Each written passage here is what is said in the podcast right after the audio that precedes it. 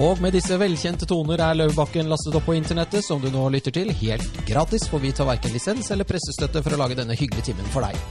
I dag har vi fått besøk av en modig mann, en som med livet som innsats bokstavelig talt bærer opplysningstidens fakkel høyt.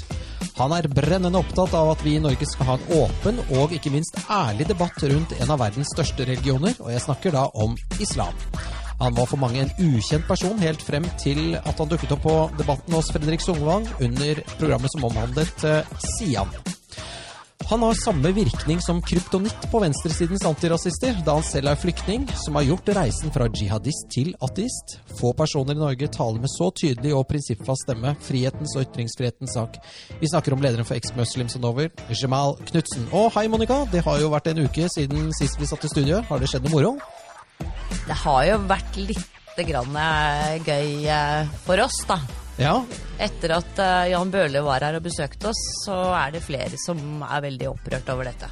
Jeg, jeg liksom registrerer en sånn slapp, eh, lunken fjert på venstre Twitter. Altså Det blåser litt som en sånn der løs mage-fjert der.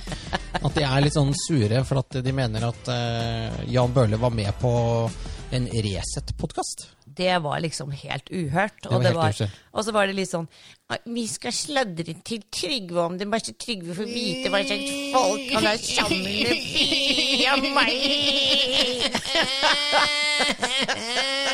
Han sa Ja, ok, Men det er liksom nivået på disse toddlerne. da. Det er liksom, det er, jeg får litt sånn inntrykk av sånne små barn i bæsjebleier som går rundt og er misfornøyde hele tiden. da. Ja.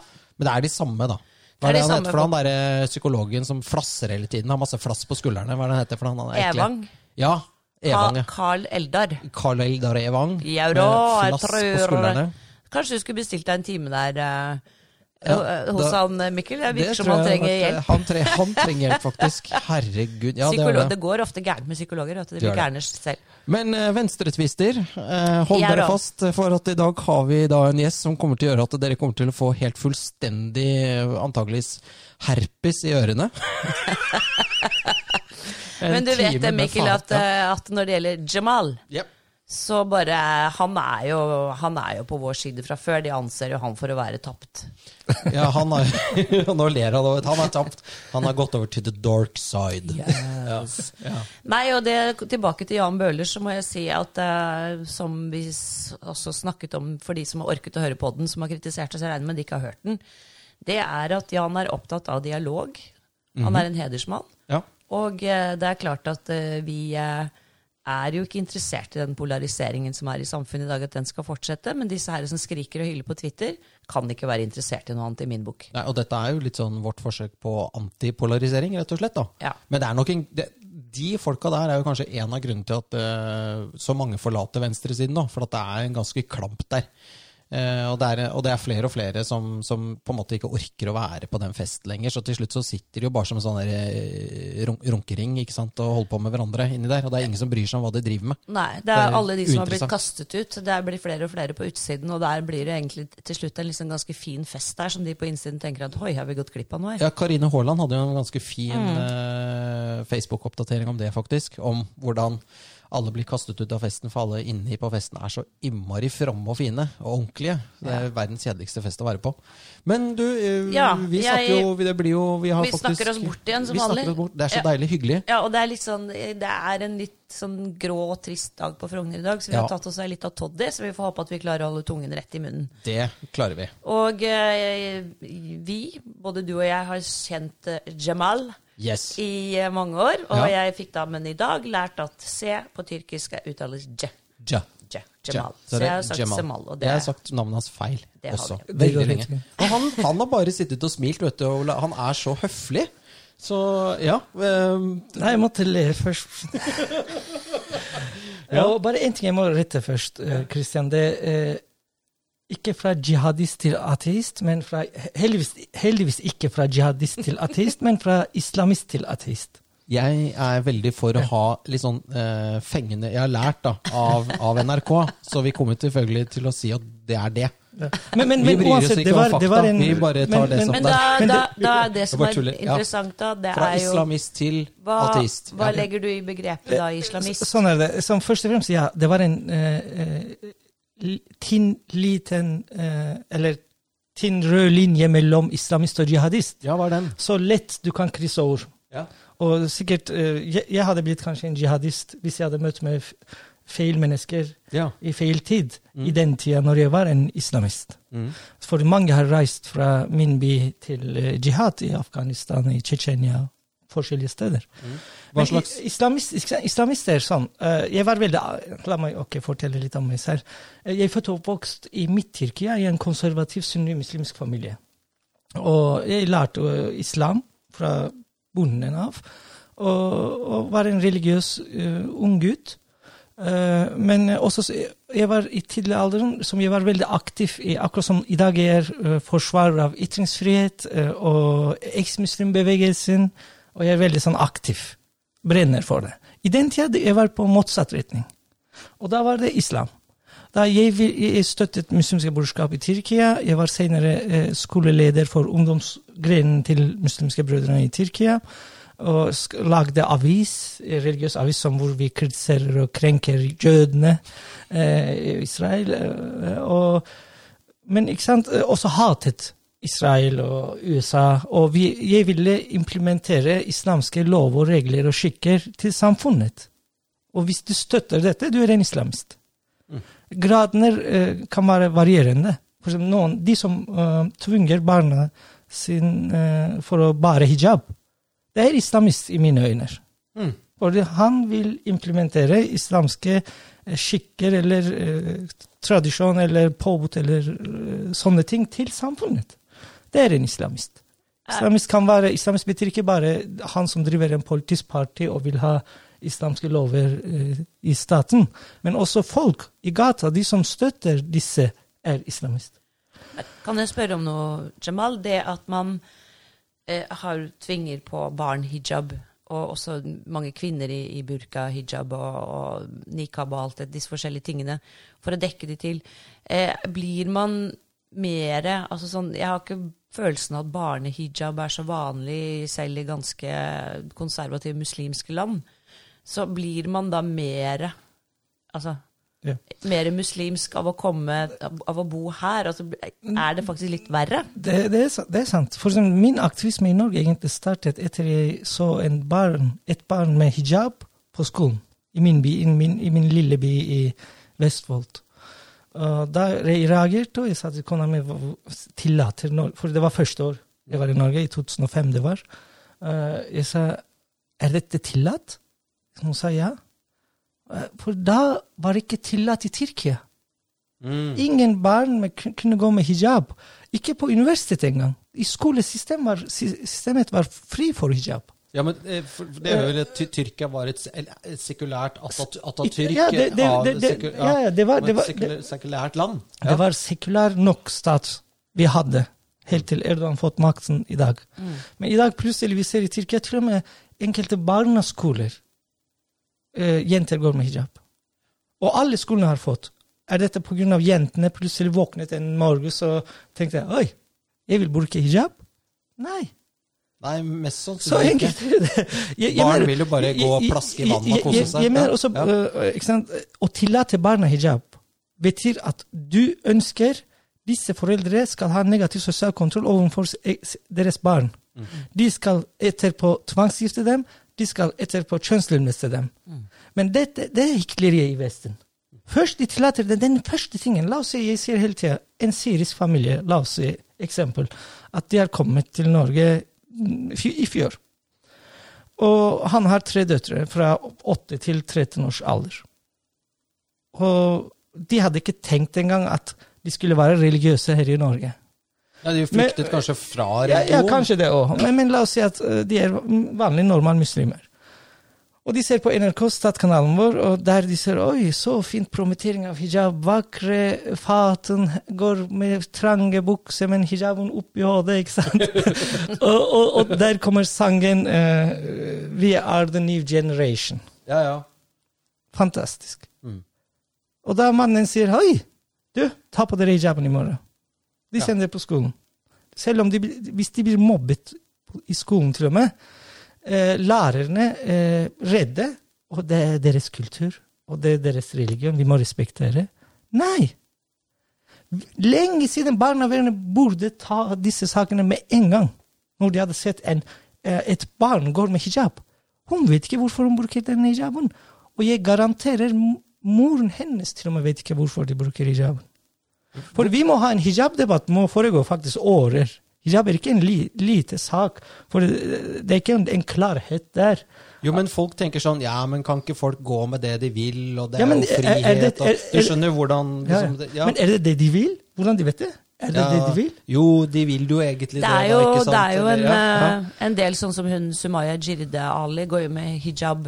Hun Ja, vil det. Hun vil det sikkert. Det hun- finnes selvfølgelig folk Ja, som vil det, men det sier er at hun vil voksne. det. Men jeg tenker også at hvis du blir spurt, da, hvis det, hvis det på en måte er For det første så vet jeg at det har med ikke sant, at du, du skal dekke deg til for å ikke friste en mann. Og jeg tenker et lite barn skal jo ikke friste en mann, så det er bare veldig ekkelt eh, Mm, å tenke på.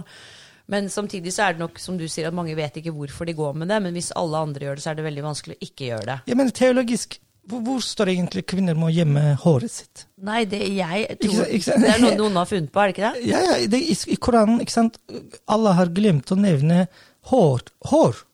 Mm. Han har nevnt alle absurditeter. Så han glemte håret. Han glemte å si at du damer, er gjem deres hår. Eh, ikke sant?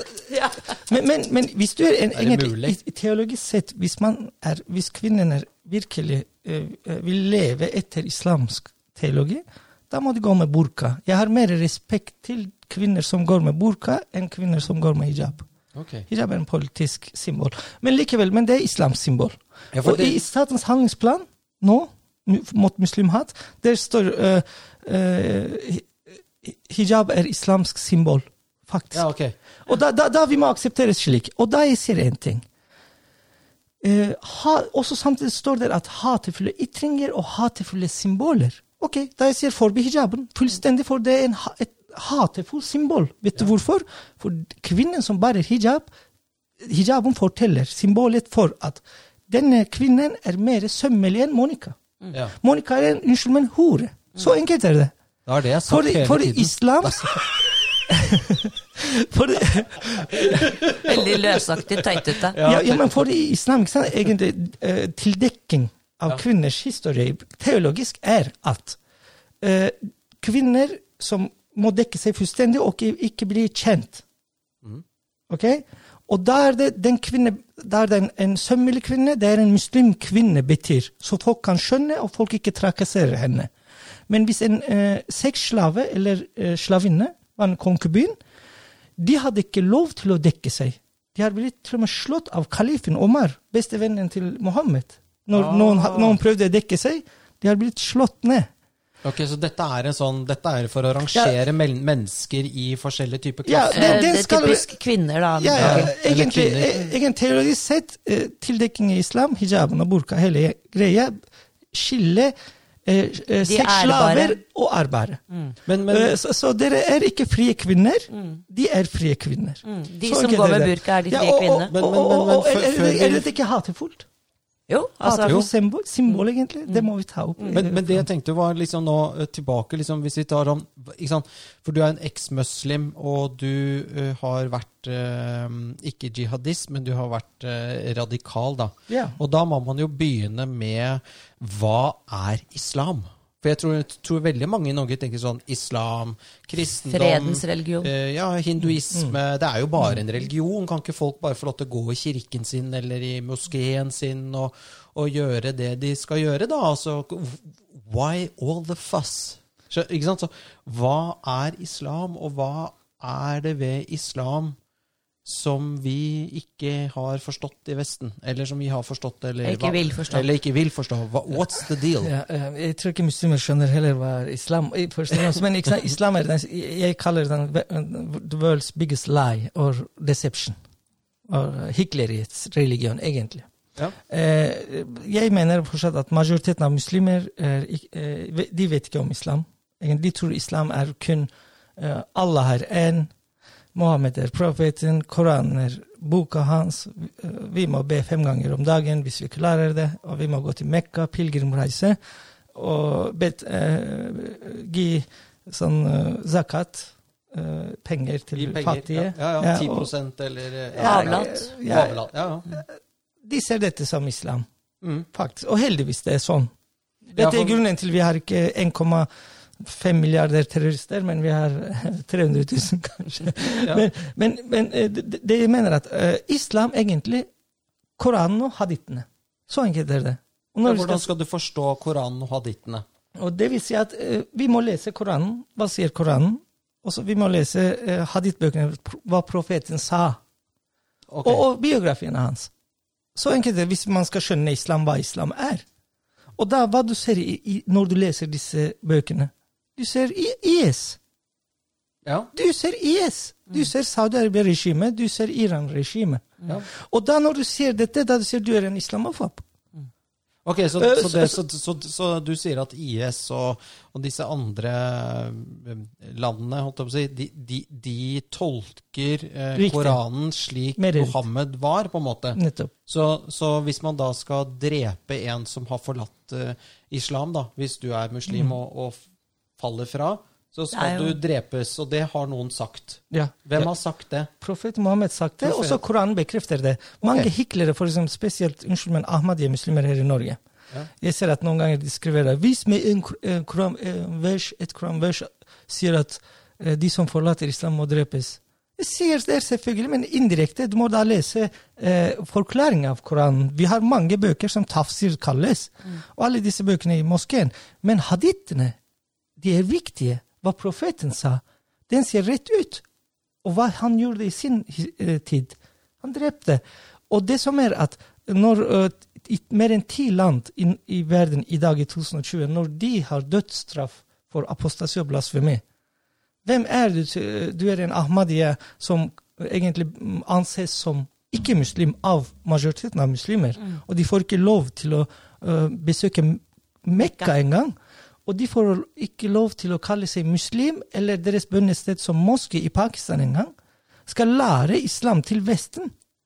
Lære islam til Norge. Og, og, og, og oversette Koran til norsk. På, på norsk. Og bare deception. Eh, men, eh, men det, det som er Men selvfølgelig, islam er mer enn det, samtidig. For Ja, det, for jeg tror det er eh, veldig vanskelig for veldig mange altså Jeg tror dette er en sånn debatt som går litt sånn over hodet på folk, og så må du være litt sånn spesielt interessert for å Ja, ja, men, men, å sette deg inn i det. men, men man må skjønne det, da. At muslimer og islam er to forskjellige ting. Ikke sant? Hvordan en muslim praktiserer islam, betyr ikke at islam er det islam. Ok. Så enkelt er det. Fordi eh, hva, For å skjønne hva islam, som jeg sier, man må vite hva, hvordan Mohammed, hva Mohammed sagt. Hvis vi ikke forstår Mohammed, hvordan kan vi forstå islam? Hvis vi ikke forstår hva eh, Jesus sagt og gjorde, hvordan vi kan gå og finne den Jesus-islamen? Men her vi hører i dag mange uh, forskjellige debattanter for som kaller seg muslimer. For som Linda Nord. Linda Nord har sin egen islam. Det er Linda, Linda Nord-islam. Ja, det, det, det, det er ikke Mohammed-islam. Og hun skal lære til Norge hva er islam. Det er feil. Jeg mener, men, også?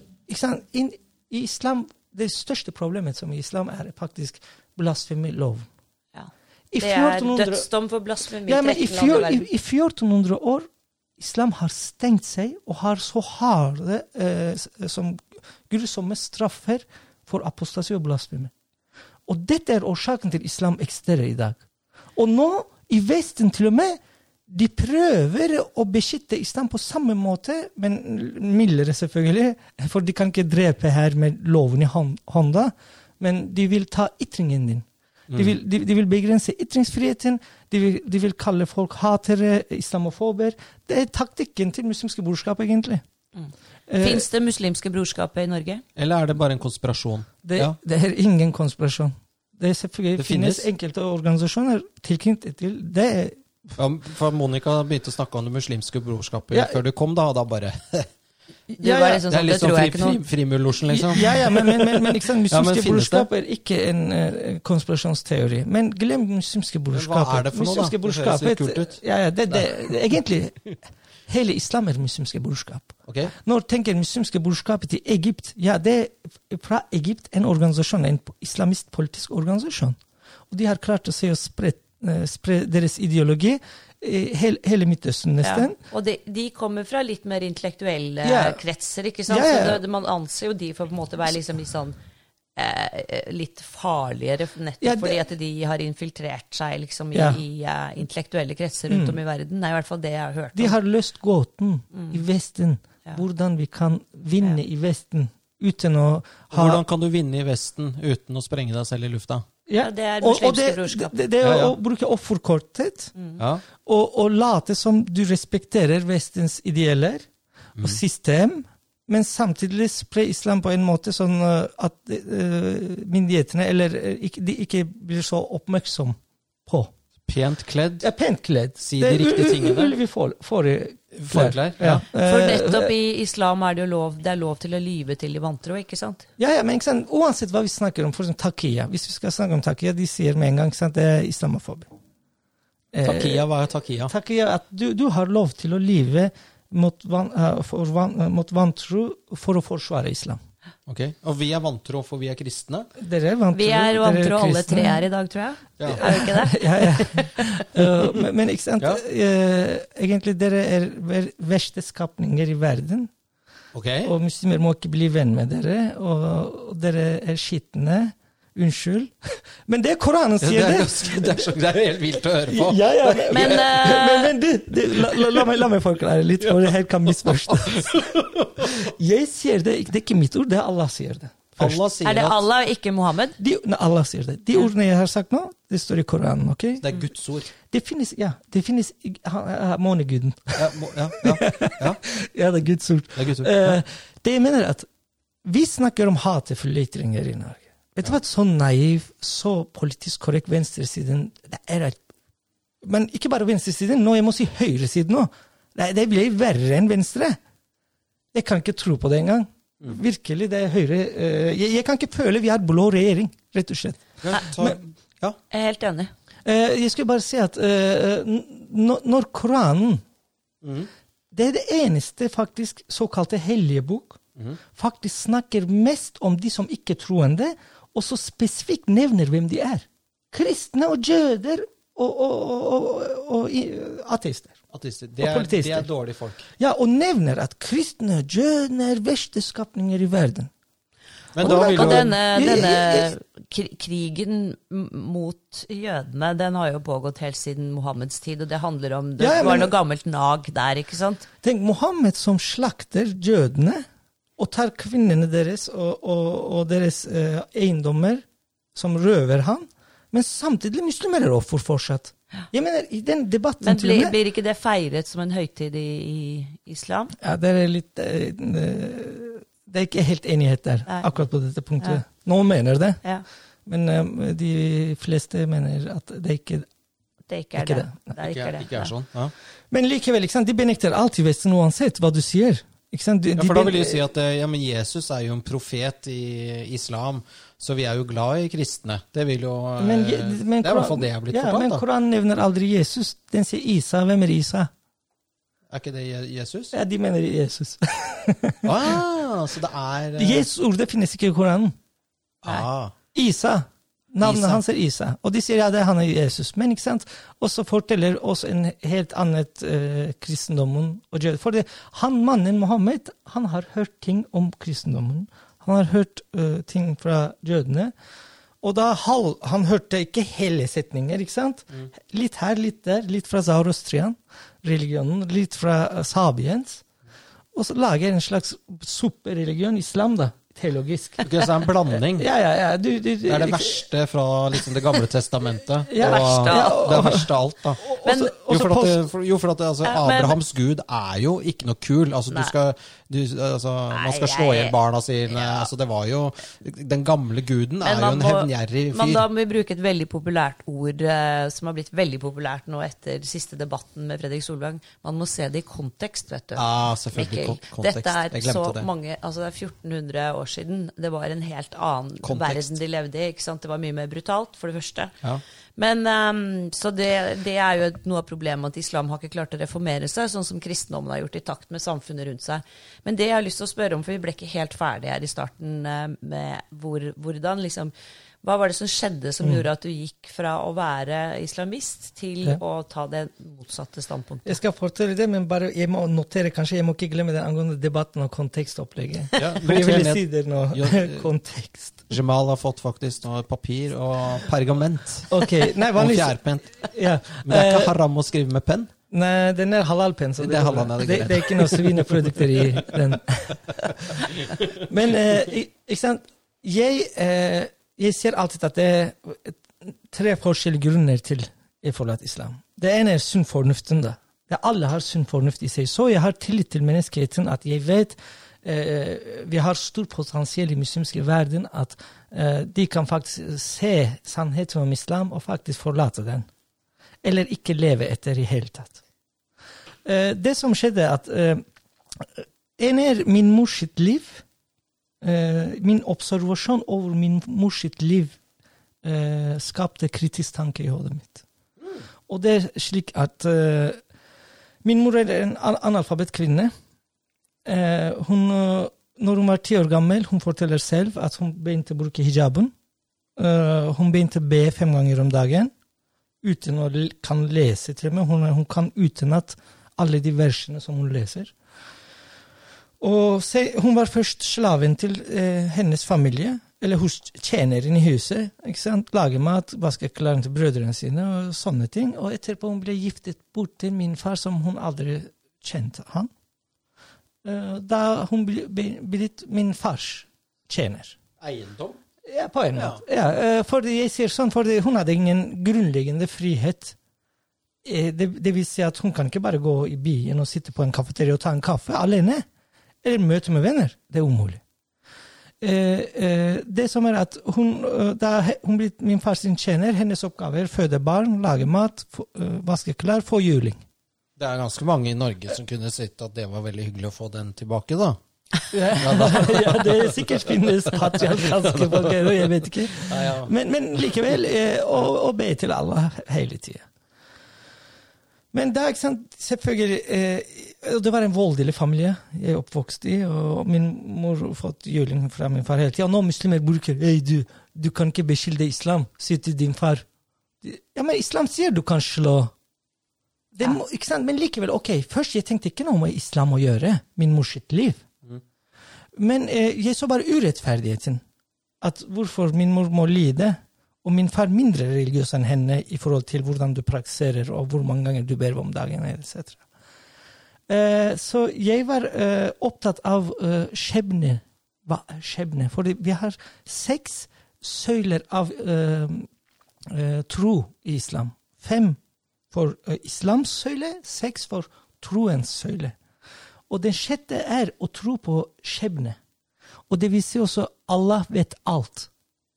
Før jeg er født, Allah vet alt om hva jeg skal si nå om to sekunder. Hva jeg skal gjøre fem år senere, i august 28. Hvordan livet ditt blir, Ja, alt han vet er klarlagt på forhånd. Ja, forhånd. På forhånd. Og da jeg tenkte, hvorfor da? Øh, hvis min far er en dårlig mann mot min mor, og min mor er en bedre muslim i mine øyne, og min mor skal til himmelen, min far skal til helvete og brenne litt, øh, så hvorfor vi lever? Hvorfor den lidelsen? Kan ikke bare Allah gjøre stopp, Men da gjør du den kardinalferden som også eh, kristne gjorde under opplysningstiden, at du begynte å stille spørsmål. Ja, og det var i hodet mitt først. Jeg har aldri sagt noe, men senere jeg spurte til en imam etter en kveld etter bønnen. Og jeg sa til han at eh, eh, På en fin måte jeg spurte at jeg sa hvorfor den lidelsen? Eh, Allah vet alt. Altså, hvorfor min mor må lide? Kan ikke bare eh, Må vi oppleve disse tingene når han vet allerede? Kan vi ikke ende Han kan ikke Teaterspill, på en måte, da. Mm. Vet du hva han sa? Han sa at Jamal, du må være forsiktig når det gjelder skjebne og Allahs øh, øh, forståelse. For dette er en farlig greie. Hvis du graver så dypt inn i skjebnesakene i islam, du kan falle fra islam. For vi har ikke svar på det. Allah har kulli irade, betyr at han har en annerledes hjerne og vet ting mye mer enn vi har juicy, så liten hjerne. Så vi har ikke noe svar. Vet du hva, Det er egentlig sikkert halve islam ble borte i hodet mitt, under bevisstheten, men fortsatt jeg var muslim.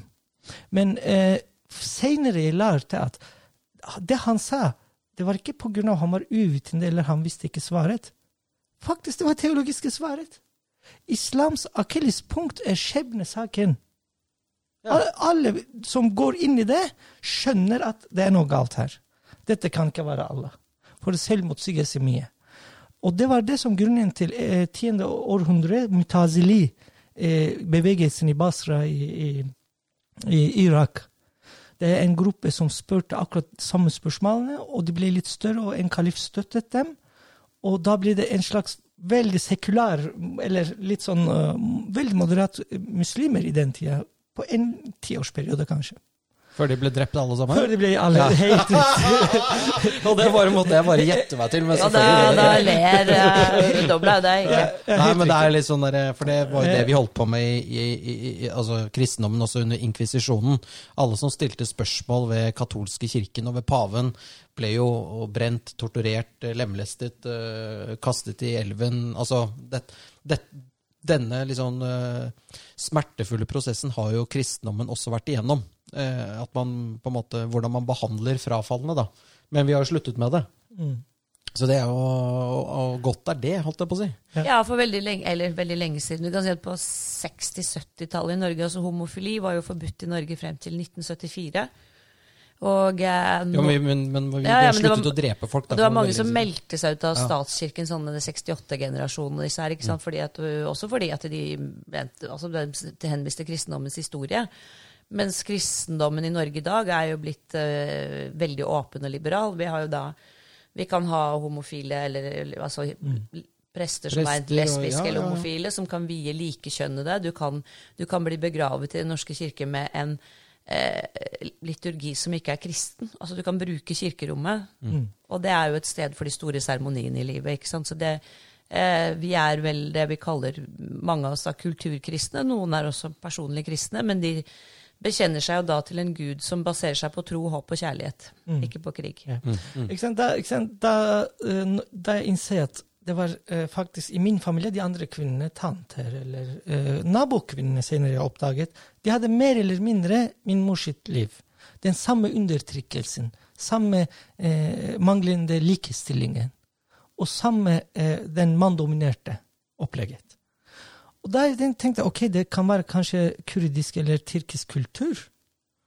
Men da når jeg begynte å oppdage det, Selvfølgelig det var en prosess lang tid. det Bare underbevisstheten lagrer flere tviler.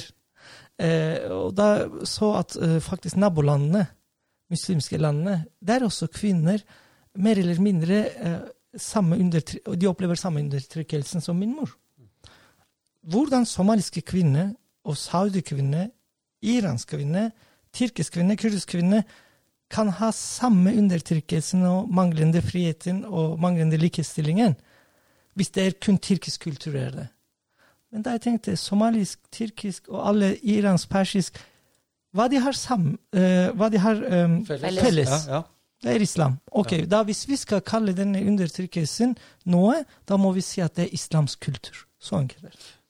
Men, men, men Shamal, det, det, jeg tenker på at um, Hver gang man tar opp uh, denne debatten om hva er islam, så så, så, har jo da disse som snakker om kontekst mye, de vrir seg unna. For det er jo aldri islam eller, altså man, man, får jo aldri noe svar på dette her. For at nå sier du det, og så vil da Linda Nord si at nei, men det tar du feil, for at islam er Islams humanisme. Eh, det, ja, eller islam er den religionen som løfter kvinner enda mer frem, og det er veldig bra for kvinner. Altså, bullshit. du, vil jo aldri få ja, er, ja, du sier det, men eh, for meg så er det liksom Da må du, Det er liksom sånn magic, da. Du får jo aldri noe tak på dette her. Ja, ja, ja, ja, men for vi har mange hyklere. Og vi lar mange hyklere prate uten at de blir konfrontert. Så vi må ha debatt. Det er som manglet i Norge. Sett oss sammen. Ikke sånn debatten som vi har. Vi kjemper for å få 30 sekunder for å si noe. Mm.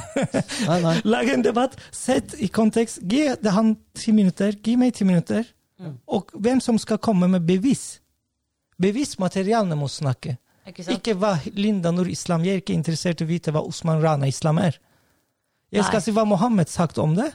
Hva Allah sier om det. Ja, For det er det fundamentet i, Det er fundamentet, ja. Og, hvis, ja, og hvis de, de, de, kan ikke tørre å benekte det, men de kommer til å selvfølgelig de Allerede muslimer begynte å benekte hadithene. Mm. Så, men likevel. Eh, det ene grunnen til jeg forlot islam, det var uh, observasjonen av om min mors liv og kvinner. Så du er rett og slett en oppvåknende feminist? Ja. Og andre ting er at jeg var så heldig at jeg, jeg jeg fødte og oppvokst i, i en sekulær nok stat. For hvis hvis jeg hadde vært i Saudi-Arabia, hadde det vært annerledes. Ja. Så jeg, jeg vil påpeke eh, eh, ytringsfriheten og kritikere. Mm. Fordi jeg var i Tyrkia det gjør det at Jeg begynte å jobbe faktisk når jeg var ti år gammel. Ti år gammel i en sommerferie, så når vi hadde sommerstopp på skolen. Da jeg fikk jobb hos en fotobutikk som løpegutt.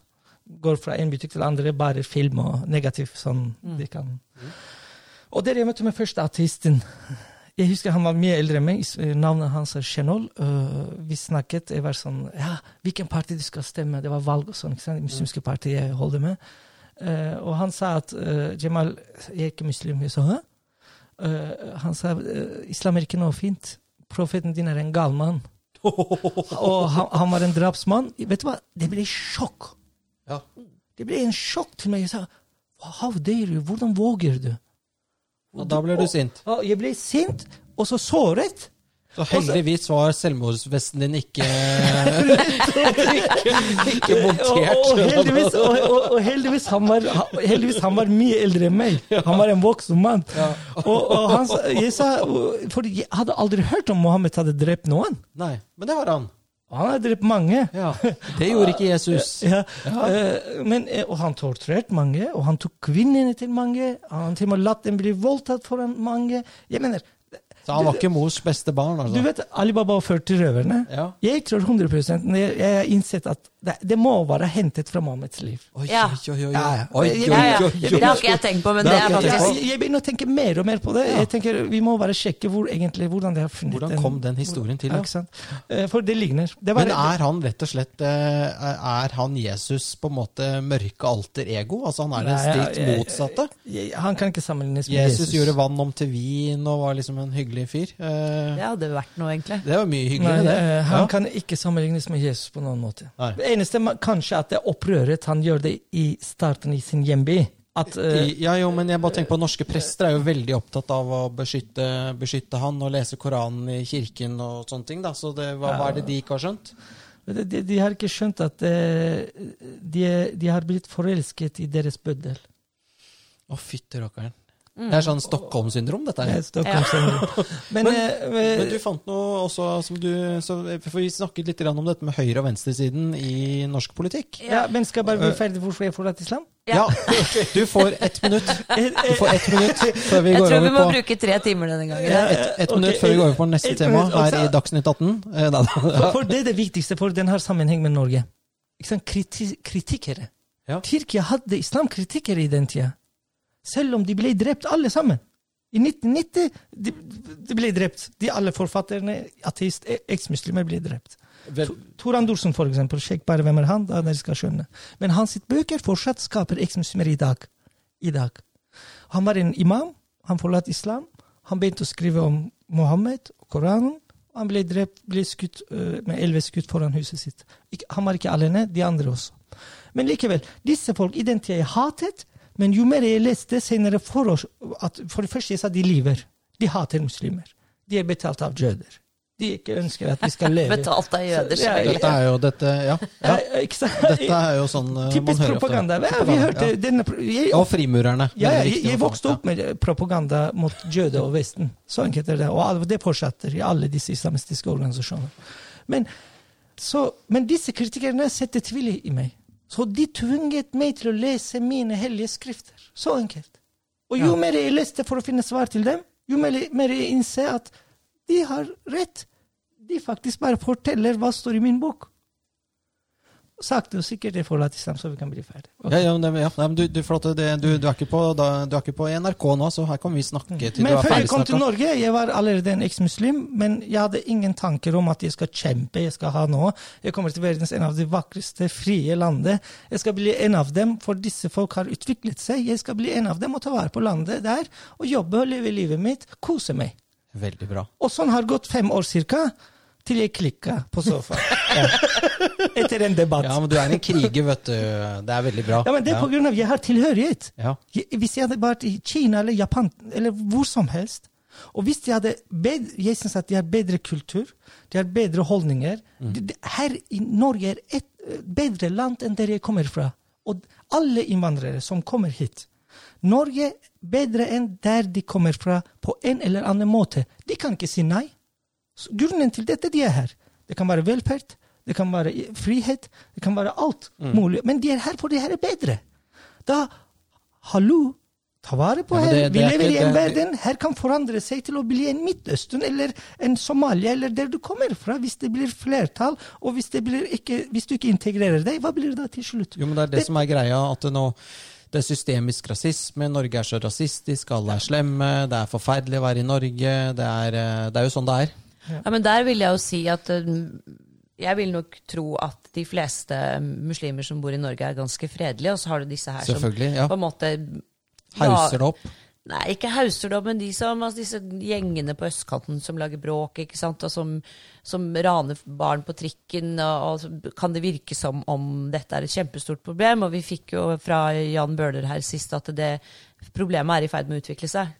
Ja. Og at det absolutt bør slås ned på. Men jeg tror at de fleste muslimer i Norge ønsker seg det nye livet som du snakket om. At de, de, har, de har på en måte reist fra eh, islam på den måten. Og så Til frihet. Ikke sant? Så Såkalte islam, islamforskere som Lars Skule. Ja, han er vi glad i. vet, vet du hva de bør gjøre? Hva han må, bør gjøre? Han må ta seg tid, for han har tid. Jeg har 100% jobb på industri. Jeg er industriarbeider, og jeg er nemndmedlem, og, og jeg er tolk Larvik kommune, og jeg har en organisasjon, og jeg driver med så mange ting. Men han har tid til. Han må forske hvordan den minoriteten, den ekstreme muslimminoriteten, klarer å forandre hele tida alle de muslimske land. Det er jo for at han er en del av det selv. Ja, ikke Jeg tror jo Han- Lars Gule nei, er han- brorskapet selv, jeg. Jeg mener Han bør forske det, istedenfor å stå der og bare snakke om islamofobi, islamofobi, islamofobi og gnege med det. Jeg mener Disse folk øh, og akademia faktisk sviktet øh, både Vesten og muslimer. Og da Ja, kommer vi på temaet med høyre- og venstresiden. Ja. Der du Ja. har jo funnet frem en, en morsom greie her. Det eh, er et eh, Et sitat. sitat. Ja. Eksmuslimer i Norge er utsatt for rasisme fra deler av majoritetsbefolkningen og negativ sosial kontroll fra en del av sine egne på bakgrunn av frafall og kritikk av religion. Disse fryses også ut av toneangivende venstreside og antirasistiske bevegelser i Norge i dag. Dette er faktisk, tro det eller ei, skrevet av en dame som heter Hedda Mulholland. Hun er atferdsbiolog, aktivist og medlem i partiet Rødt. Og det er jo nye toner fra den siden. Ja, men Og det, det var en artikkel som var publisert på steigan.no, veldig bra. Og hun har jo på en måte rett. Og så tenker jeg, betyr det at opptattheten av minoriteter bare er et hult utsagn? For hvis ikke du er en verdig minoritet, så teller du ikke. Det er helt sant. Vi har ikke, øh, eller eksmuslimer aldri har vært en del av mangfoldet hos venstresiden. Nei, det er ikke plass til dere der. Ja, det, det, det såkalte mangfold, mangfold de er så uh, opptatt, de er stolt av. Vi har aldri vært en del av det. Walid El-Kubaisi var en eksmuslim fra dag én. Han ble tvunget til å kalle seg kulturell muslim. Til og med da han ikke fått den fulle støtten fra venstresiden. Han har skrevet 30 år siden ja til verdig diskriminering, og påpekt faktisk den Jan Bøhler snakket sist hos dere. Ja. Hele tiden. Han ble kalt som uh, rasist. Han ble bekjempet av Antirasistsenter. Hvis dere bare søker Arendal-avisen, hva heter han? Agderposten. Ja. Walid al-Kubaisi vi snakker om nå. Ja, søk der, for Som eksempel. døde i ja, halvannet år søk, siden. søk hos nettavisen til Agderposten, Walid al-Kubaisi, og du går tilbake til 1989-artikler. Ja. Og der, Han var den første islamkritikeren. Han var den første eh, eh, eksmuslimen faktisk i Norge. ja. Modig. Modig. Men hva skjedde? Han, han opplevde drapsforsøk. En som eh, eh, prøvde å drepe Han ble drept, faktisk, i, den, uh, i Arendal. Ja. Uh, og etter den han, han ble mer og mer tause, og, og også moderate. Han Helt til, trakk seg litt ut. ja, han. helt til jeg møtte med han. Han fått den gleden. Endelig. Vi er mange. Vi skal, og han, vi startet Ex Museums of Norway med han, før han døde. Ja. Og hvor mange, hvor mange er dere i organisasjonen? I organisasjonen vi har ca. 300 medlemmer. Og da er det ikke de er eksmuslimer, jeg mener, men 300 betalende medlemmer. Ja, Det er også noen som støtter dere? Ja, ja. mange modige norske folk også. Uh, men også vi har ca. 50 eksmuslim bakgrunn mm. som medlem i Norge. Men de som står i offentligheten, kun to stykker vi er. Mm. Jeg og nestlederen, Jeanette. Mm. Men Hvorfor hva kommer det av? hvorfor- Og det Ja. kommer for frykten. For- Ja. Frykten og, og, og alle de meldingene vi får fra eksmuslimer fra- Bergen, fra Nord-Norge, de sier at vi støtter dere fullt, og jeg er eksmuslim fra Palestina. Jeg bodde her i Norge 15 år. Fantastisk dere gjør, men jeg tør ikke stå, frem, altså, stå i offentligheten. Jeg støtter dere. Hvor mange tror du det er til sammen som ikke tør å stå frem, da? Alle, i majoriteten av øh, eksmuslimer, også de også Majoriteten av Altså jeg tenker på I Norge, da, hvor mange er det som jeg, jeg vet ikke, jeg kan ikke spekulere det, men jeg er helt sikker på at potensialen er så høyt. De som ikke er praktiserende muslimer, er mer enn de praktiserende muslimer. Det, det, det, det er jeg helt sikker på. Men For jeg, jeg tenker jo som så, Jamal, at eh, sånn som med disse Muhammed-tegningene, Ja. eh, som da Jyllandsposten eh, var de som publiserte først, og han eh, Westergård må jo leve i skjul resten av livet. Og så har du Charlie Hebdo, hvor de ble massakrert Mm. På, av samme grunn. Og så tenker jeg på den der ekstreme feigheten i den altså, vestlige pressen. For jeg tenker at hvis alle alle redaktører i alle aviser i Vesten hadde blitt enige om at nå publiserer vi alle Nettopp. samtidig, Nettopp. så ville det være problem solved, på en måte. Og det samme tenker jeg at hvis det er veldig mange muslimer i Norge i dag som ønsker på en måte å leve et fritt liv, og trenger kanskje ikke å kalle seg eksmuslim, men de ønsker ikke denne sosiale tvangen. Hvis alle på en måte samtidig hadde reist seg, hvis du skjønner. Nettopp. Og, og problemet er det. Venstresiden ønsker egentlig eh, Ikke hele venstresiden. Akkurat som eh, vi Regressiv venstre, eller islam og venstre, vi kan kalle hva, hva, hva som helst, men det er generelt venstresiden ønsker at muslimer skal være religiøse vesener. Det det, det jeg føler. Hvorfor det? Jeg vet ikke. Men de vil ha en minoritet. De vil ha en sånn såka, eh, en victims, offer. Akkurat som de må ha en gruppe som de kan De, de, de trenger en gruppe for å liksom. beskytte, eller jeg vet ikke hva. Men det er jo Som- venstresiden elsker jo å ha et offer. Ja, ja, men det er jo sånn derre offer uh... Nei, men ikke sant, det, det, det, det som du sier er veldig interessant, for det er noe med at de har et behov for uh, noen som Altså, det er som et lite kjæledyr, da. De må ha et eller annet. Ja, ja. Ja. Og det er jo altså, Det er den- et klassisk taperkultur, da. Ja da, men det handler jo også om det der at de, de egentlig, så, altså, egentlig så mener jeg at det er ekstremt nedlatende å se på andre er grupper som personer som ikke kan klare å ta vare på seg selv. Det er taperkultur. ja, hvorfor skal ikke du forvente Det samme? det, samme? ekstremt provoserende. Se, se på hvordan venstresiden er så stolt, og de har konfrontert kristendommen i flere hundre år. Ja, ja. Og, og de, de har ikke bare kritisert verken Bibelen eller eh, Jesus, men de kritiserte alle de prestene og kalte dem pedofile. Lagde karikaturer. At, har dere sett den Alter Boys-karikaturen? Ja, ja, ja. ja, ja selvfølgelig. Ja, ja. Eh, og, og de har uh, latterliggjort, rett og slett. For det var latterlige ideer fantes. Og det er riktig, jeg støtter dem.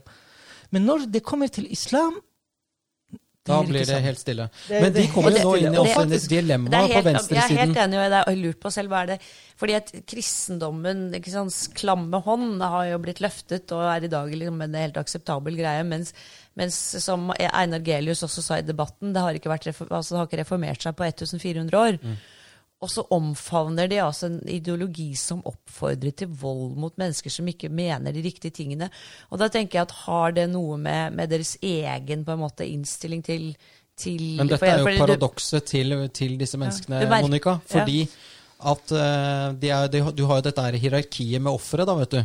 Sånn at uh, du har jo da øverst så står jo da, la oss si nå, muslimer, da.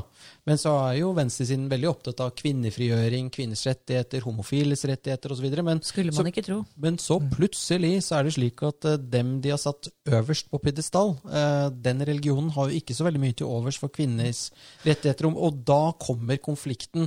Hvem er det de egentlig kan støtte? Og det er her de vil- slaget står, for de, vil, de, de De vil- klarer jo ikke. Ja, men de vil beskytte Hele problemet egentlig kommer at, uh, fra De vil beskytte islam. For eksempel, de vil kritisere uh, for eksempel kvinneundertrykkelsen i muslimske miljø. Det vil Men, ikke men de vil ikke beskylde noe med islam. De vil kalle det kulturelt. eller jeg vet ikke, det- Den, den beskyttelsen om den eh, ørkenkulten, hvor det kommer fra, det er deres uh, jobb å finne ut. Uh, men så dette er grunnen til at jeg kan ikke befinne meg i venstresiden i Norge. Nei. Ikke i dag, i hvert fall. For ikke? Når jeg forlater islam i Tyrkia, da er jeg blitt en venstremann. Det er normalt, for i Tyrkia venstresiden ønsker ikke islam i offentlighet. mm. De vil ikke forby islam, men de vil ikke ha noen ting med islam i offentlige etater, skolene, Det skal være en personlig Det skal bli en laisitet, det skal bli sekulær stat. Og så flyttet du til Norge og Og endte da- ut da på ble- høyresiden. Nettopp. Faktisk, faktisk første, første stemmen min gikk til Arbeiderpartiet i Norge. For da jeg hadde ikke kjennskap, for jeg trodde at de- de- denne partiet er sosialistenes, venstresidens eh, tårn, og det må være det samme som i Tyrkia, sikkert. Men jo mer jeg oppdaget, da skjønte jeg at det, det her går ikke. Etterpå jeg stemte til Frp, men nå jeg vet ikke hvem jeg skal stemme, for alle har skuffet.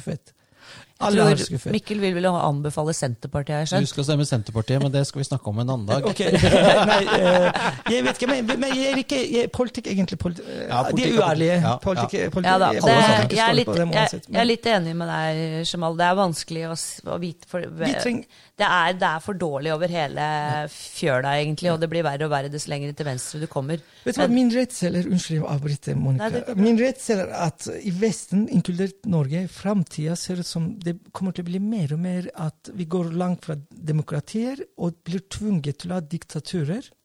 En Oi. slags diktatur ja, ja, ja, Det ser ut sånn. For å hele- holde orden på Ja, ting. ja. hele Vesten. Og det Ja. kan bli enten venstrediktaturer eller høyrediktaturer. Oi. på enkelte land. Og det ser ut sånn. Og det er veldig tragisk.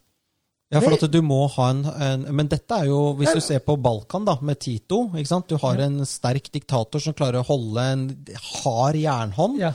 Da har du ro i flokken. Det samme med Tyrkia, det samme med Ja, men samme sant, du? Men ser, det er jo- men samme du ser venstresiden Sovjet, Sovjet, ikke sant? Ja, samme venstresiden prøver i USA nå. Ja. De vil ha at de vil fjerne til og med domstolen, og de vil de, de, de, Det går mer og mer som teokrati, da. Ja. De begynner med alle det. Først ytringsfrihet. For de vet at ytringsfriheten er fienden til all totalitær eh, idé. Ja. Ja, det er jævlig skummelt. og, og og når du kvitter med ytringsfriheten, hva skjer da? Da du åpner veien for enten høyre eller venstre diktaturer. Og, og, Tror du det er derfor at eh, venstresiden har sansen for islam? Fordi at islam eh, straffer jo også sine frafalne, og de vantro ganske hardt. og de som, For vi ser jo det når vi på en måte dette med, med å bli beskyldt for alt mulig fordi man eventuelt har vært med på å starte en alternativ avis, eller hva det skulle være. Ja, ja. Så er det et voldsomt trykk, det er et voldsomt hat, og de bruker veldig mye eh, ufine metoder for liksom å spenne bein på, så jeg bare, jeg bare forstår det ikke. Men, men, det er jo det med å prøve å kneble Ja, ytringsfriheten. Ja, ja, det, det handler om også, ikke sant, de, egentlig, de, de ser islam, islam er bare et verktøy for dem. Mm. Hvis de hadde likt islam som vi alle hadde konvertert til islam. Så det, det, det, det er bare et verktøy. Men ikke sant, problemet med venstresiden er at det er dobbeltmoralen. Når de har makten, da er det ytringsfrihet for alle. En lov for alle. Likestilling, mangfold og etc. etc. Men når de begynner å miste makten, den eliten som begynner å miste makten, da vet du hva, de rett og slett gir blaffen til de verdiene som de har vært så stolt av. Ja, da, som de- nemlig ytringsfrihet. Men de har aldri hatt de de verdiene. mangfoldet. Mangfoldet skal inkludere alle. Bortsett skal- fra, bortsett fra rike, hvite Nei da, altså Ja, ja. nei da, men, Også ja. Nei, da, men islamkritikere. Ja. Bortsett fra islamkritikere. Det- Ja, jo, islamkritikere, ikke sant? Jo, men det er Det er litt sånn der enfoldet de egentlig vil ha, da. Ja, men når de merker at, eh, at makten begynner å glippe, ikke sant? Når de på en måte har Når Carl Eldar Evang med flass på skuldrene merker at folk ikke hører på han lenger. Ja, det er fordi at har eid definisjonsmakten i alle år i Norge. ikke sant? Helt siden Arbeiderpartiet egentlig kom opp og, og tok masse, masse posisjoner både i politikk og i mange offentlige etater også. ikke sant? Og så også når de merker nå at den makten begynner å glippe, så er jeg enig med deg, da er ikke ytringsfrihet viktig lenger. For det har bare blitt brukt som et, ikke sant? som et verktøy, som du sier, Ja, ja. som alt Og også- annet. også, ikke sant, de, bruker, de snur alle ytringer. Det kan være Sylvi Listhaug sin ytring, eller Sian sin ytring, det kan være eksmuseum sin ytring. All som, alle som går imot deres agenda, de snur dette til person, og de snur dette til sånn hat, eh, eller denne personen er hater, denne personen er rasist. Akkurat som vi ser nå i debatten i USA. Hvor teit går det an at en mann står der og sier til presidenten du er, den, du er rasist, du er klovn, du er verste president. Du er, ja, men, ser du den stemplingen? Du, du, du stempler, polariserer, men samtidig later som de er ofre. At ja, vi må slutte med polarisering.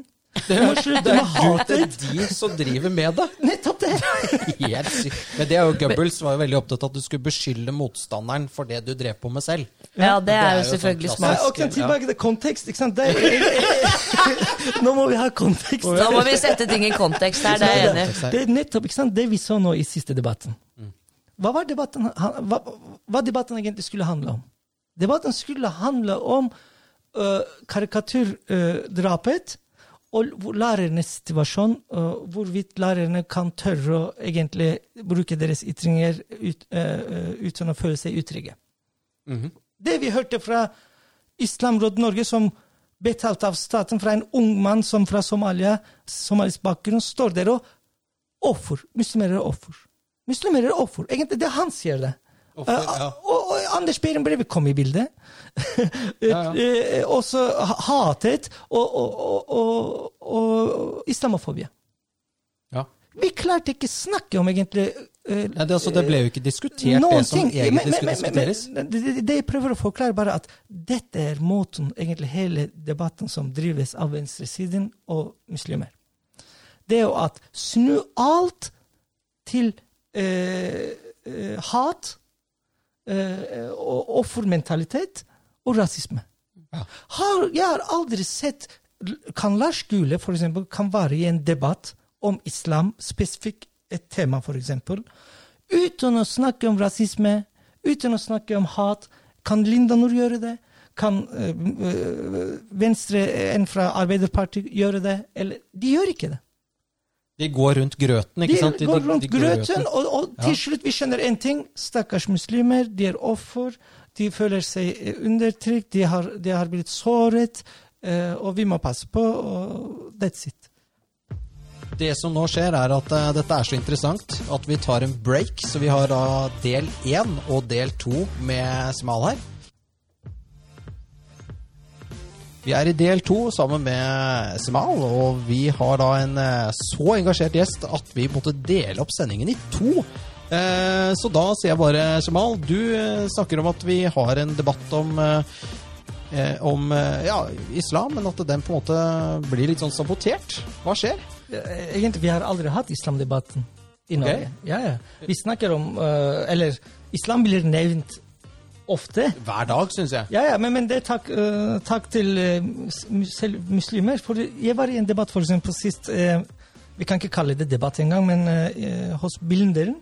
Mm. Og da var det der um, han uh, Antirasistsenter sin leder og Gøran Kalmir, jeg, og han, han som skrev et kronikk om Han sa at å brenne Koranen er hat mot litteratur. Og, og, Han, og eh, Lorentzen. Lorentzen. Lorentzen, ja. Men Lor har du sett Hjernevask med Lorentzen? Altså, at, han, at de klarte å grave frem han igjen, det syns jeg er imponerende. For han er jo en helt svimmel Tenk, fyr. eh, tenk, jeg konfronterte han faktisk. Ja. men, eh, men det skal jeg bare si at til og med der, ikke sant, alt snudde seg til eh, hvordan muslimer opplever hets. Og så er, er, det ikke helt riktig å såre følelsene til mennesker, og etc. Mm. Men kan vi ikke snakke om islam og ha en debatt? Egentlig, for jeg sier hele tiden nå islam har blitt Norges andre største religion. Ja, Og, og, og det, det, det vokser, det bygges Det vokser, ja. og moskeer og ja. Og, de blir eh, behandlet, islam blir behandlet i lik linje med kristendommen når det gjelder statsstøtte og, og alle de eh, tros- og livssamfunnsrettighetene de får det. Ja. Og det er riktig, for vi har loven for alle. Og vi har trosfriheten i Norge. Men hvorfor vi ikke klarer å behandle islam i lik linje med kristendommen når det gjelder kritikk? I don't know. Ikke sant? Det er det som er problemet. Jeg skulle bare lese dere kjapt en ting. sen, og Jeg jobber med en prosjekt. Faktisk, Det er en langvarig prosjekt. Eh, is- nå, jeg, hvis jeg skriver en kronikk Ja. i morgen og sender den til eh, aviser, eller skriver på uh, vår hjemmeside og sier Islam er den mest latterlige, den mest absurde og blodige religionen som noensinne har smittet verden. Det er en sykdom. Sånn. Eh, Koranen er boken som blir skrevet av idioter, læres bort av kjeltringer til små barn for å lese uten at til å berømme moroner. Mohammed forkynner bare slaveri og underdanighet. I islam kommer verken moral eller religion på noen tids tidspunkt i kontakt med virkeligheten. Muslimer er bare triflere som når de ikke kan forklare noe, løper de tilbake til Allahs vilje. Eh, Dette er virkelig en latterlig måte å uttrykke utenheten på. Ingen fornuftig person kan tro på islam. Sanne muslimer er laget for å være slaver. Etter å ha kommet i kontakt med religiøse muslimer, føler jeg alltid at jeg må vaske hendene mine. Islam er en illusjon, og den får sin styrke fra, det faktum at den faller inn i våre instinktive ønsker. Ja. Var det hatefull? Eh, Ja. syns du? Nei, altså Jeg syns det er hatefull. Ja. Fordi til og med jeg må vaske hendene mine. Ja, ok, ok. Ja, ja. Ja. ja. Og tror du at dette hadde blitt godtatt av noen aviser? Eh, nei. Nei. Og hadde jeg blitt kalt en uh, muslimhater? Hvis du hadde sagt det der? Ja, Ja. alltid der. Ja. Ja. Og da jeg sier, ikke hvis Voltaire, eh, Friedrich Nietzsche, David, Da- David Hume, Spinoza og Sigmund Freud Hvis de hadde levd i dag, de hadde ikke godtatt deres kronikker. For alt det jeg leste, bare bitt islam med kristendommen, øh, muslimer med krist, kristne, Koran med Bibelen. Originalen står her. sit- du har bare sitert Ikke et eneste min, min ord. Ikke et Alt- eneste. Oi! Det er det som er Dette er- sagt om kristendommen. Dette er opplysningstiden som alle er så stolt av. Det der Men er i et dag, vi sitat kan, som er helt vi kan ikke Og det er bare halvpart, det er bare en liten del av det jeg jobber med. Ok. Jeg, jeg, jeg mener at hvis vi De kaller alle rasister hvis de bare sier at de syns at uh, islamisering i Norge er galt. For da vi kan miste alle frihetene våre. Mhm. Dette er islamofobi. De kaller jeg, jeg, jeg Det er så latterlig. Noen ganger tenker vet du hva, enten jeg er en dum person, eller jeg er verdens klokeste mann. Ja, det var det, da. Det er ikke godt å si. Kanskje no, kanskje noe midt imellom. Også de er så stolte av akademia, og de er som filosofer, studerte, politikere. Jeg mener, kan, Vi har ikke hatt islamdebatten. Hvis vi hadde hatt islamdebatten, vi hadde hørt konfrontasjoner mellom dissidenter og muslimer, mellom kristne og muslimer, mellom liberale og ikke-liberale, eller hva, hva som helst. Eh, men dette mangel. NRK er opptatt av å promotere hijab. NRK er opptatt av å vise 'jeg er muslim'. Hvordan da? Hva, hva, hva tenker du på? De lager programmer for som 'Jeg er muslim'. ja, og det er- Eh, de, de lager, eh, promoterer hijab helt ukritisk. Ja, og det er- Til og med barne-TV. Unnskyld, til og med barne-TV. Ja. Uten å fortelle NRK Super. ja, Mm. Uten å fortelle barn om eh, hvordan eh, kvinner blir utsatt for vold og drap, bare hvis de hadde brukt litt feil hijaben sin i Iran, f.eks. Mm. Og det som jo er, ikke sant, er at det er jo ikke bare det at det er en helt naiv promotering av islam, men det er jo den plassen den får i forhold til eh, hvor stor gruppe muslimene er i Norge i forhold til katolikker, i forhold til altså, andre religiøse grupper da, som overhodet ikke får noe oppmerksomhet. Det er liksom en sånn slags jeg vet ikke, De er så ivrige at de liksom snubler i beina på hverandre på å liksom please islam og si at og det er så fint, og hijab er jo pent, og det er sånn der hij, altså, de, de, de lager sånn eh, De har hijab-verksted med morsomme stoffer og ikke sant. Altså, det er, man skal feire id eh, Det blir sånn julefeiring, og id, hvor, hvor blir alle de andre eh, høytidene av? ja. Eh, men hva, hva er grunnen til dette? Hva, hva skjer? Ja, men ikke sant? De, ser, de har en agenda, og de har uh, sett at uh, is, Eller muslimer, eller islam, er deres kanskje redning. De ser faktisk dette som en uh, stemmesedler òg. Det må okay, vi ikke ja, glemme. tenker du på, på, på politikere, da? Politikere. Men okay. de, de driver samme mentaliteten bak NRK. Ja, ja men Det- det- NRK trenger jo ikke stemmesedler. Nei, men NRK har samme mentaliteten. Ja, ja, ja, ja. Venstre Ingen kan si med NRK er høyrevridd. Eh, eh, det var noen forskere som, som, som hadde konkludert med at eh, NRK var, var visstnok mer høyrevridd, fordi at det var så mange saker om høyreting eller. Ja, ja, for Eh, Hvor i all verden så det? Eh, hos NRK, selvfølgelig. Ja, men det er et poeng at det, det er Men- nok eh, Ja, men hvilken agenda Altså, hva, hva, som skjer, hva som skjer egentlig med, med, med, med agendaen? Hvor, hvorfor blir det sånn? Men ikke sant? Jeg har spurt dette spørsmålet mange ganger til uh, min venn Walid også, avdøde Walid, for å få svar. Det er ikke lett å svare. Han kalte det uh, femte kolonne. Så femte kolonister, da. Ja. Eh, men eh, jeg vil ikke gå så hardt akkurat som å kalle dem eh, islam og venstre som femte kolonister, men de er faktisk, de oppfører seg sånn.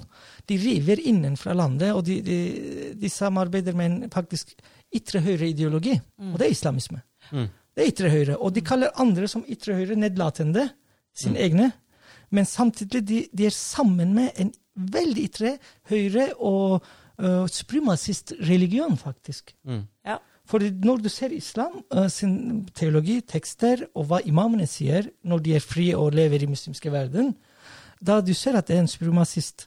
De, de sier at uh, muslimer er de beste menneskene i verden.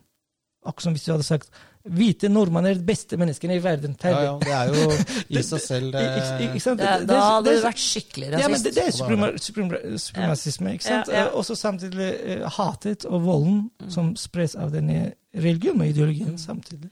Men, men Eh, tror du, Jamal, at man altså, Tror du det er noe håp for Ja, de vestlige landene i forhold til å kunne ta For jeg tenker at det skulle ikke vært så vanskelig å sette skapet på plass og si at sånn og sånn er våre verdier her i dette Ja. landet, og dere har vær så god å følge det eller ikke. Ja. Det hadde vært veldig enkelt og det burde blitt tatt fra toppen, Mm. hvilket det ikke blir.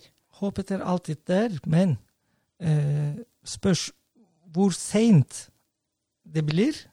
Mm. Eller hvor vanskelig og hvor lettere. ikke sant? Det, det er det som spørsmålet. Spørsmålet er at Det ser ut som det kommer til å gå mange hundre år sånn. Eh, Det verste scenarioet det kommer til å bli større eh, anarki til slutt, og kanskje bor borgerkrig eh, i enkelte plasser i enkelte land. Det For det kan vi ikke unngå. Og, og, for vi har hatt eksempler. ikke sant? For eksempel når vi ser Bosnia-Serbia-krigen. Mm. Eh, hvis du går tilbake til historien, var det noen muslimer i Bosnia? Det var kun 400 år. Det har blitt det når vi har muslimland. Og til og med etter en stor eh, De har hatt stor krig. Ja. Mm. Eh, 300-400 år av tappen. Som det som Bosnia som i dag, Kosovo i dag, Albania i dag. Mm. Jeg mener, vi må se på historien, da. Jeg mener, vi må passe på det. er All, vi, vi jeg hater ikke muslimer. Muslimer er mine familie. Mm. Uh, og det handler om ideologien, det handler om den religionen som intolerante religionen som noen går og, og prøver å ha makt. De Så- bruker det for å få makt. Ja, så, så det viktigste, er sånn som du sier, det hadde vært mye lettere når du importerer en ny religion, kultur og folk fra forskjellige steder. Du må ha klare og tidligere regler. Mm. Ja. Her er det sånn. Det er konsekvenslover. Mm. Følger det ikke? Vi tar passen din. Eksempel. Men det går til litt teokrat, som jeg sier til Og, der, slutt. og der var jo Men Unnskyld at jeg avbryter, men her er det litt høy temperatur, for dette er et veldig interessant tema. Mm. Um, det er tilbake til hun Guri Melby som var med på sånn Mm. eh, TV. På, altså, jeg, jeg blir så skuffet når hun sier at ja, men jeg har tillit til at norske lærere Og så tenker jeg Ja, ja. hun overlater til den stakkars læreren å stå i et klasserom og kanskje kan føle seg redd for å gjøre disse tingene, istedenfor at eh, han kunne sagt jeg er pålagt av norske myndigheter Gjøre forsvare eller forklare ytringsfriheten på denne måten, og gjøre det på denne måten. Samme som vi kunne sagt at hijab er forbudt i det offentlige rom, og hijab er forbudt på barn. Ja, ja. Ikke sant? Og det kunne vært nasjonale regler, så hadde disse altså, Det- lær, Særlig lærere, som, som jeg tror får, har det vanskelig, sluppet. De kunne bare henvise til at sånn er det her. Mm. Jeg er helt enig med deg, og det var veldig feigt av henne. Eh, at jeg hadde forventet at en modig bare si det. det- Du vet, eh, retorikk er viktig. Og bare hvis hun sier det, nesten som slår på bordet Jeg støtter alle lærere, og vi skal finne en løsning. At de skal ikke ta det ansvaret. For eksempel, la oss si akkurat som den bokforslaget jeg sa. Mm. Og det, er den beste måten. Karikaturboken, ja. Karikaturboken av staten. Jeg syns kanskje... vi burde se den litt i kontekst, i tilfelle. Vi må se det i kontekst. ja, ja, ja. Eh, Men, men ikke sant? problemet er at til og med glem denne boken. Faktisk, Hun har en så stor jobb foran seg hvis hun, er, hun tenker riktig. Når du ser på KRLE-bøkene og, og leser islam, du ser en manipulert eh, islam, og de lyver til barna våre. Mm. Vi trenger sannheten. Du må fortelle sannheten, ikke livet til dem. Det er også en annen prosjekt. Mange lærere sendte til meg eh, deres eh, masteroppgave. Og de har gått gjennom islam i skolebøkene siden fra 1980-tallet til i dag. Og da de har registrert hva som ble forandret, hva som ble tatt bort, hva som ble lagt inn Det er veldig interessant, men jeg hadde ikke hatt tid pga. all den jobben eh, og min jobb. Så, Og den, den, Men- eh, men- men- den eh, varianten av islam som blir lært skolebarn i dag, er vel det vi kaller wishful thinking. Altså Ja, ja, ønsketenkningsislam. Ja. Eh, der de kunne legge Mohammed-karikaturene og Charlie Hebdo og intoleransen og blasfemiloven i islam. Så enkelt er det. Mm. Men andre ting er at mange lærere kontaktet meg etter drapet i eh, Frankrike. Og de har fortalt meg ting virkelig det er helt unnskyld men jævlig. Ikke, fordi, eh, Ja, At de, de ikke tør? Eller at de, de, ikke bare, sånn- de ikke bare tør, men en føler seg i samme situasjon. Ja. Jeg vil ikke nevne, for Han sa ikke nevn for når det møter og sånn foregår. Politiet er innblandet òg. Det snakkes om familie, eh, familier av elevene Mm. som truet han uh, pga. han hadde skrevet noe. Jeg vil ikke gå detaljene inn, men det er bare Så dette skjer i Norge også, dette dette? skjer i Norge, selvfølgelig, og de er redde. Mange meldinger jeg fikk etter debatten nå, takk fra lærere. Mm. For det Ikke sant? Når tenker spesielt i Oslo, på uh, spesielt steder der uh, hvor vi har uh, muslimske innvandrere i majoritet, det er enda verre. Og det ikke bare handler om Mohammed-karikatur heller. Mange ting. Mange ting. Og lærere allerede føler seg utrygge. Mm. At de, de kan ikke bruke deres ytringsfrihet til og med etter skolen. Og ene saken jeg snakker om, det var etter skolen hva han hadde skrevet på sosiale medier angående blasfemilovene i islam. Som, Og da det får da konsekvenser? ja, det, selvfølgelig, for han er en rasist, han hater muslimer. ø, Med en gang sånne ting. Og de går til lektøren, de går til politiet. Jeg mener, eh, vi kan ikke gi ans eller, ansvaret til lærere. Vi må ha klare ikke sant? Vi må ikke følge sporet til eh, Jonas Gahr Stø- Støre. For han gjør det den største feilen i Norges historie. Han sviktet Selbjørn eh, eh, Selbekk, Og så til og med sendte brev til muslimske land, sånn unnskyldbrev, hvor han kalte faktisk Selbekk og dem som ekstremister. Ja. Det er, det er helt sjukt. Han må ikke bli statsminister i Norge. Ja, jeg, jeg, det, det, er faktisk, tenk, Han er en kandidat for statsminister i Norge. Ja. Og det, er, det er en feil retning. Og når jeg ser for eksempel Macron jeg, Jeg var veldig negativ til han uh, tidligere. Men etter dette Jeg vil ikke være veldig sånn uh, optimist heller. Men akkurat nå, ok, la oss se handlingen. Når vi hører ordene og planene. Dette er veien å gå. Han, nå, øh, hvis det er sant at det, de bøkene blir levert mm. til skolene, Ja. problemet er løst Ja. først. Og nå karikaturer overalt. På bygningene til Ja, de- de eh, viser kommune- det rundt omkring. ko- kommunalbygningene Ja. og skolenes vegger med prosjekter. Hva med karikaturer? Dette er løsningen de burde gjøre lenge siden. En historie. Eh, han heter eh, Henry de, eh, de Bournier. Eh, 1890. Han lagde et mm, teaterstykke etter Mohammed i Frankrike. 1890-tallene, da var det akkurat som ottomanske rikens eh, eh, avskiltningsårer. Mm. De var veldig svake. Kalifatet var svak. Det er Tyrkia, Istanbul. Til og med da kalifen vår klarte å presse Frankrike til å, øh, å, å fjerne den, den øh, teaterforestillingen. Hvor mange vet i Norge om det? Nei, det er, det er ganske interessant. Det var helt nytt for meg. Bare sjekk Henry de Bernier, ja, Mohammed. Til og med i engelske sider finnes ikke så mye informasjon om det, men tyrkerne er veldig stolte for alle de brevene fra kalifen til Frankrike, ambassadøren til Ottoman.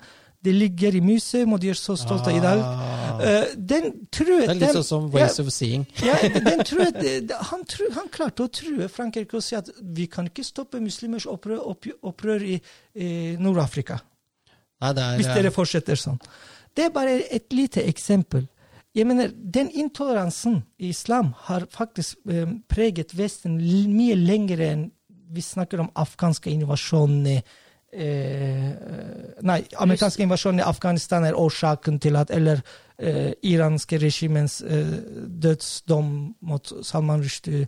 Som mange venstrefolk noen ganger sier at ja, men det var ikke sånn før, og det skjedde etter. Men det har vært sånn hele tiden? Det har vært hele tiden Ja, ja. islamske intoleranse, og, og så har det vært alltid der.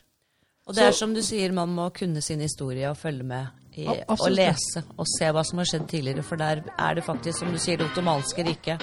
Mm. Og det er, ingen det er ikke uten grunn at landene på Balkan er skeptiske til, til islam, for de har opplevd eh, den totalitære siden ved det før Mm. i historien. Ja, du, 1 time og 20 minutter går jaggu fort, Semal. Vi kunne snakket i flere timer, men vi må begynne å runde av her. Så Ja. vi ikke, ikke Så jeg skjønte at Monica skal ha finfint besøk i dag og Masse, masse Kjøler champagnen. champagne. Men Simon, vi vil gjerne ha deg tilbake igjen. Takk, men avslutningsvis kan Ja. jeg bare si noe. At, bare avslutningsvis at uh, det vi trenger egentlig, håpet ligger hos eksmuslimer. Ja. Og håpet ligger i opplysningstid i islam. Det som har ma vært en mangel i mange hundre år. Hvis vestlige, både kristne, ikke-kristne eller hvem whatsoever, og muslimer i tillegg, alle må bidra til opplysningstid i islam. Vi må skape kritisk tenk- tenkning og tvil hos muslimer og mer kunnskap om islam. Da la enkelte individ å avgjøre hva de vil gjøre med deres tro. Med disse bevingede år så tror jeg vi bare sier eh, Hva skal vi si? Sayonara, og det Sayonara. var en oppfordring. Tusen takk, Simal. Takk for at eh, du kom. Takk skal du ha.